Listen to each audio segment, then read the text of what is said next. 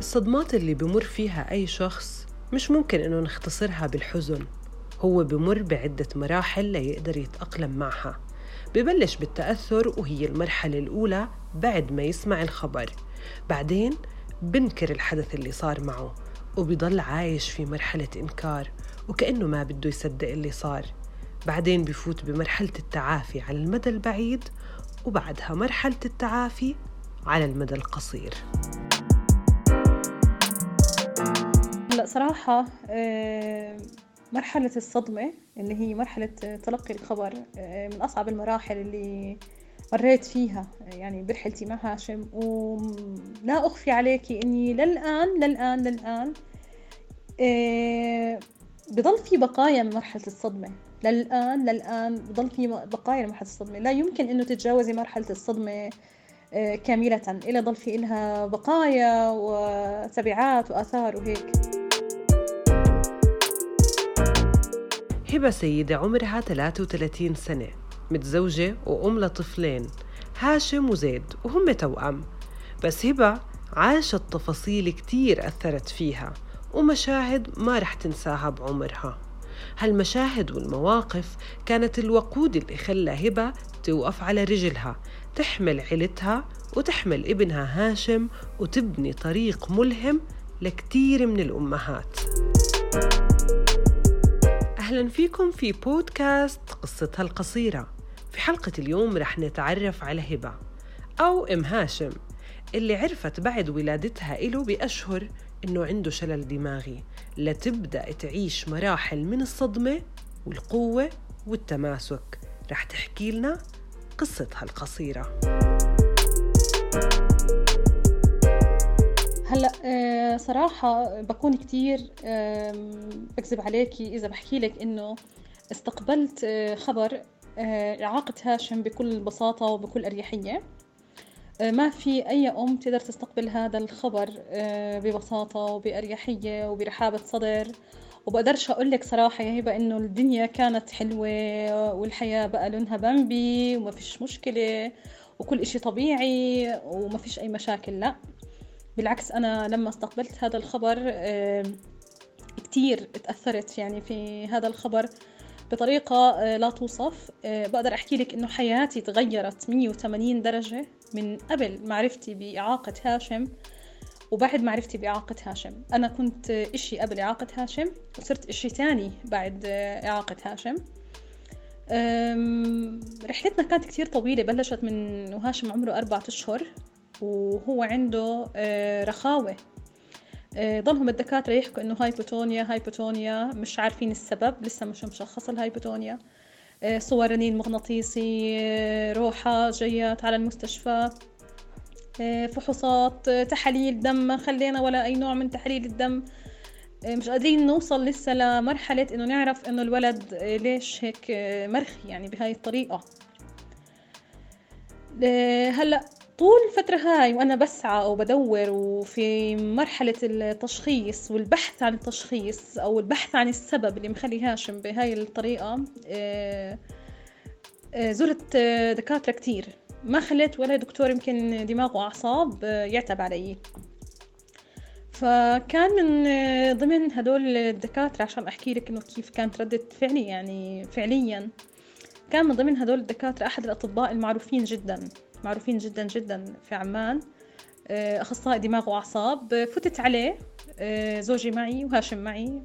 أربعة أشهر هاشم كان عمره خمس أشهر.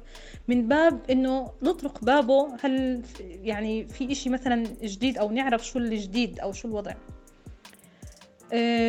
بتطلع علي هيك في كل برودة أعصاب. بيحكي لي لا تغلبي حالك مع ابنك. ولا توديه مراكز آه، علاج طبيعي ولا توديه دكاترة ولا آه، أخصائيين ولا أدوية ولا إشي. انت ابنك استنيه يموت. جيبي له فرشة واستنيه يموت. طبعا أنا بلحظتها في العيادة آه، حسيت زي كأنه حدا خبطني كف على وجهي. إشي سقط علي إنه أنت شو بتحكي؟ كيف يعني ابني استناه يموت يعني؟ كيف إنه ابني استناه يموت؟ أنا مش فاهمة أنا جايبالك بيبي عمره أربعة أشهر. آه أنت طبيب وهذا شغ... هاي شغلتك إنك أنت تشخص وتشوف إيش المشكلة وتساعدني. طب احكي لي كلمه منيحة. طبعا ما بنسى هذا اليوم أبدا أبدا. هذا اليوم وهذا الموقف اللي كان نقطة تحول كبيرة بحياتي.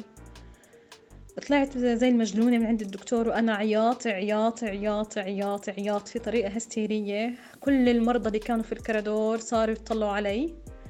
آه، حتى حجابي تقريبا زي اللي نزل عن راسي بشوية إني أنا مش منتبهة على حالي قد ما كنت عم بعيط. فكلهم صاروا يطلعوا علي. آه، اللي بيحكي لا حول ولا قوة إلا بالله الله يصبرها. أبصر شو حكى لها الدكتور؟ يا لطيف. يا رب تعافينا يا الله. وأنا عياط عياط عياط. نسيت إنه في ناس نسيت إني أنا في مكان عام. نسيت إني أنا في مستشفى نسيت إنه في عيادات. آه، بس عم بعيط عم بعيط عم بعيط عم بعيط. كان خبر يعني صدمة صدمة صدمة. آه، لحظتها يعني فعليا فعليا آه، الدنيا اسودت بوجهي اسودت اسودت كثير لا تغلبي حالك مع ابنك. استنيه يموت. كان هاي الكلمات كفيلة إنه تخلي ليلة هبة مش سهلة والليالي اللي تبعتها صعبة. هذا الوقت بالذات كان نقطة تحول في حياتها. ولليوم كل ما تتذكر القصة بتبكي. بتبكي على هذا المشهد اللي ضل في بالها ووجدانها لقدرت تحول الكلام المؤذي اللي حكاه الدكتور لوقود يخليها تبدأ بطريق مليانة علاج وتحديات وتقاوم قد ما تقدر. اللي صار آه، فعليا إني أنا بعد ما تلقيت هذا الخبر آه، روحت على البيت آه، انهيار عصبي مش مستوعبة أي إشي. مش عارفة إيش بدي أعمل. بطلع على هاشم. حملته صرت أبوس فيه أعضط فيه. بحكي معه أنا على أساس إنه هو يا حبيبي فاهم علي بقول له ماما يا حبيبي أنت إنه ليش هيك؟ يعني يعني أستغفر الله يعني الأم مرات تنحط في موقف إنها بتصير تقول ليش؟ يعني إنه ليش؟ فأنا هيك بطلع عليه وحملته بقول له بقول إنه ليش يا رب ليش يعني إنه ليش هاشم؟ أو ليش أنت يا ماما يعني؟ أنت يا حبيبي وصرت أبوس فيه وأعبط فيه وصارت آه، تبعات لأشياء إني أنا آه، صارت عندي وعكات صحية. آه، تفسيرها كان من الأطباء. طبعا هي صارت تباعا يعني بعد هاي المرحلة تفسيرها من التوتر الضغط النفسي الاسترس والزعل. بعد هيك لمرحلة شوي لقدام. ركزت شوي وصحصحت وقلت إنه لا يا هبة هيك ما بنفع. هيك مش رح تمشي الأمور. إذا أنا ما شديت حيلي ووقفت على رجلي فعليا هاشم مش رح يقدر. لأنه أنا مصدر قوته أنا الإشي الوحيد اللي بيقدر هاشم إنه يستند عليه. فإذا أنا انهرت وسقطت ووقعت إيش رح يكون مصيره لابني؟ ورجعت وقفت وقمت من جديد وقويت حالي وبلشت مع هاشم من عمر صغير. آه، جلسات العلاج طبيعي. بلش هاشم ياخذ من عمر آه، مبكر جدا جلسات علاج طبيعي مكثفة. وأنا وياه قلنا يا الله مع بعض وكان الوضع كتير كتير كتير يعني مرهق ومتعب. لما انت يكون في بيبي عمره خمس أشهر تبلشي تطلع من الساعة سبعة ونص الصبح عشان تلحقي مواعيد آه، جلسات العلاج الطبيعي لما يكون في دور لما يكون الطفل تعبان أصلا وانت بدك تاخديه على مكان التعبيه كان يعيط بالجلسة. دموعه ما توقف من الألم أحيانا آه، من العلاج الطبيعي لكن رغم هيك استمرينا وضلينا وضلينا متابعين وضلينا مستمرين ونحاول ضليت أحاول إني آه، أوصل هاشم ل لأكثر مرحلة مقبولة نوعا ما نظرا لحالته لتشخيصه لأنه آه، زي ما بيعرف آه، كثير من الناس إنه الشلل الدماغي إشي مش هين ومش سهل. كانت رحلة كتير صعبة. بعد هيك على عمر السنة آه، بلش هاشم آه، موضوع التشنجات. صارت تجي تشنجات على الحرارة في البداية. بعدين صارت تشنجات في حرارة ومن غير حرارة. بلشت رحلة دخولات المستشفيات. صرنا ندخل مستشفيات كتير. تقريبا بدخل المستشفى أكتر ما بقعد بالبيت ومش مشكلة. وضلينا متابعين علاجاته أدويته جلساته العلاج الطبيعي.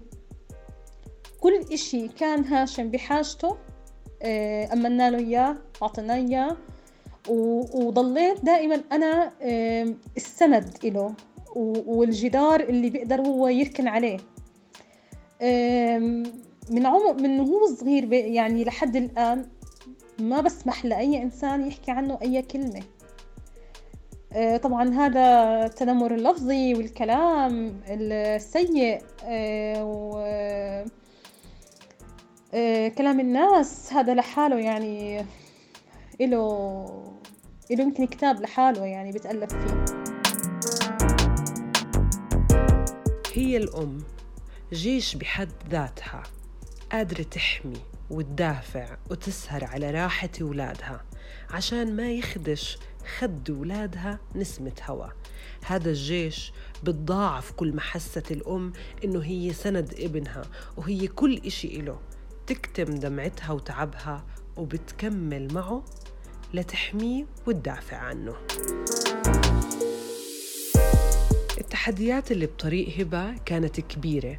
ولساتها موجودة وكل هالتحديات غير الصدمة اللي حكت عنها بالأول تحديات إلها علاقة بالحياة العملية.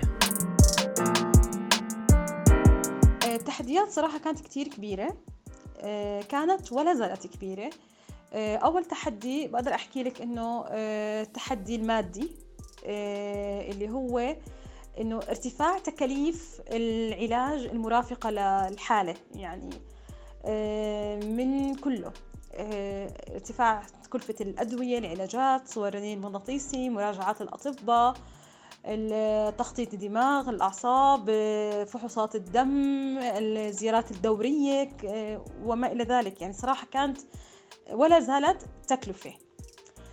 هلا هذا أكيد تحدي. يعني التحدي المادي أو العبء المادي هو تحدي تكلفة العلاج. يعني تكلفة العلاج بالنسبة آه، أطفال الشلل الدماغي مرتفعة جدا. هذا طبعا إحنا لسه ما بنحكيش عن الجلسات. جلسات العلاج الطبيعي لحالها هاي بدك تحطيها على جنب يعني بدها ميزانية لحالها لأنها مكلفة. خاصة إذا كانت جلسات العلاج طبيعي على حساب الأهل. طبعا زي ما بصير في أغلب الحالات يعني. الجلسة بتتراوح من 20 ل 25 دينار على الساعة. فإذا الطفل بياخد آه، ثلاث جلسات في الأسبوع فلك أن تتخيلي يعني المبلغ. فجلسات العلاج الطبيعي كمان آه، كانت برضو آه، يعني من ضمن التحديات أو التحديات المادية بقدر أقول لك. هذا كان التحدي الأول. التحدي الثاني إنه آه، نظرة المجتمع.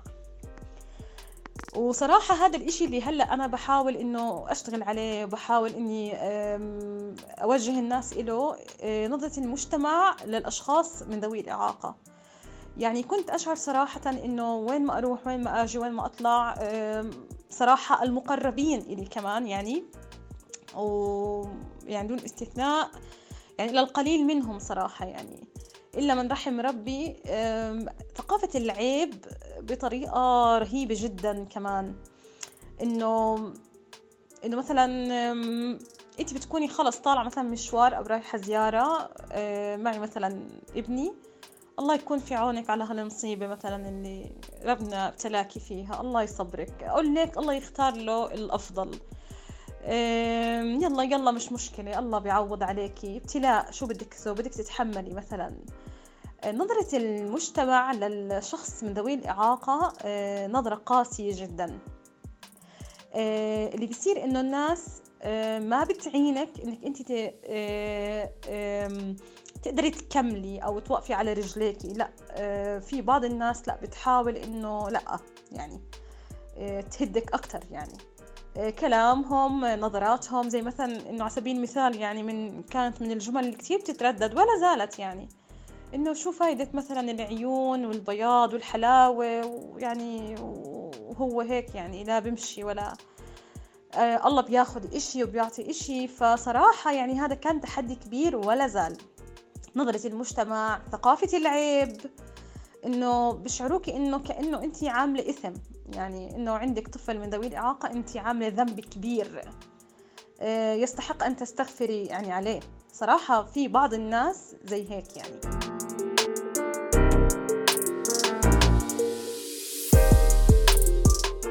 رغم كل هالتحديات قدرت هبة. بفضل دعم اللي حواليها إنه تتمسك بعلاج ابنها وتكون جزء من مجتمع أهالي من ذوي الإعاقة وأشخاص من ذوي الإعاقة. طالبوا بالتمكين وتفعيل القوانين اللي بتنص على تأمين العلاج والخدمات الطبية مجانا لذوي الإعاقة ضمن حملة ابني اللي بتتبنى شعار التأهيل طريق للتأمين بالإضافة لدورها في التوعية ومحاربة الصور النمطية. آه، هلا بالنسبة للدعم الحمد لله رب العالمين. آه، يا رب لك الحمد الحمد لله. يعني أحمد دائما وأبدا. لقيت الدعم من أسرتي بطريقة كبيرة جدا. آه، لقيت الدعم كما هو مناسب. يعني كانت كنت أمر في ظروف وأوقات زي ما قلت لك إني أدخل المستشفى كتير في هاشم. الحمد لله رب العالمين كان الدعم موجود دائما من أهلي من أسرتي من زوجي الحمد لله الدعم دائما كان موجود. يمكن يعني هذا الإشي كمان خفف وهون.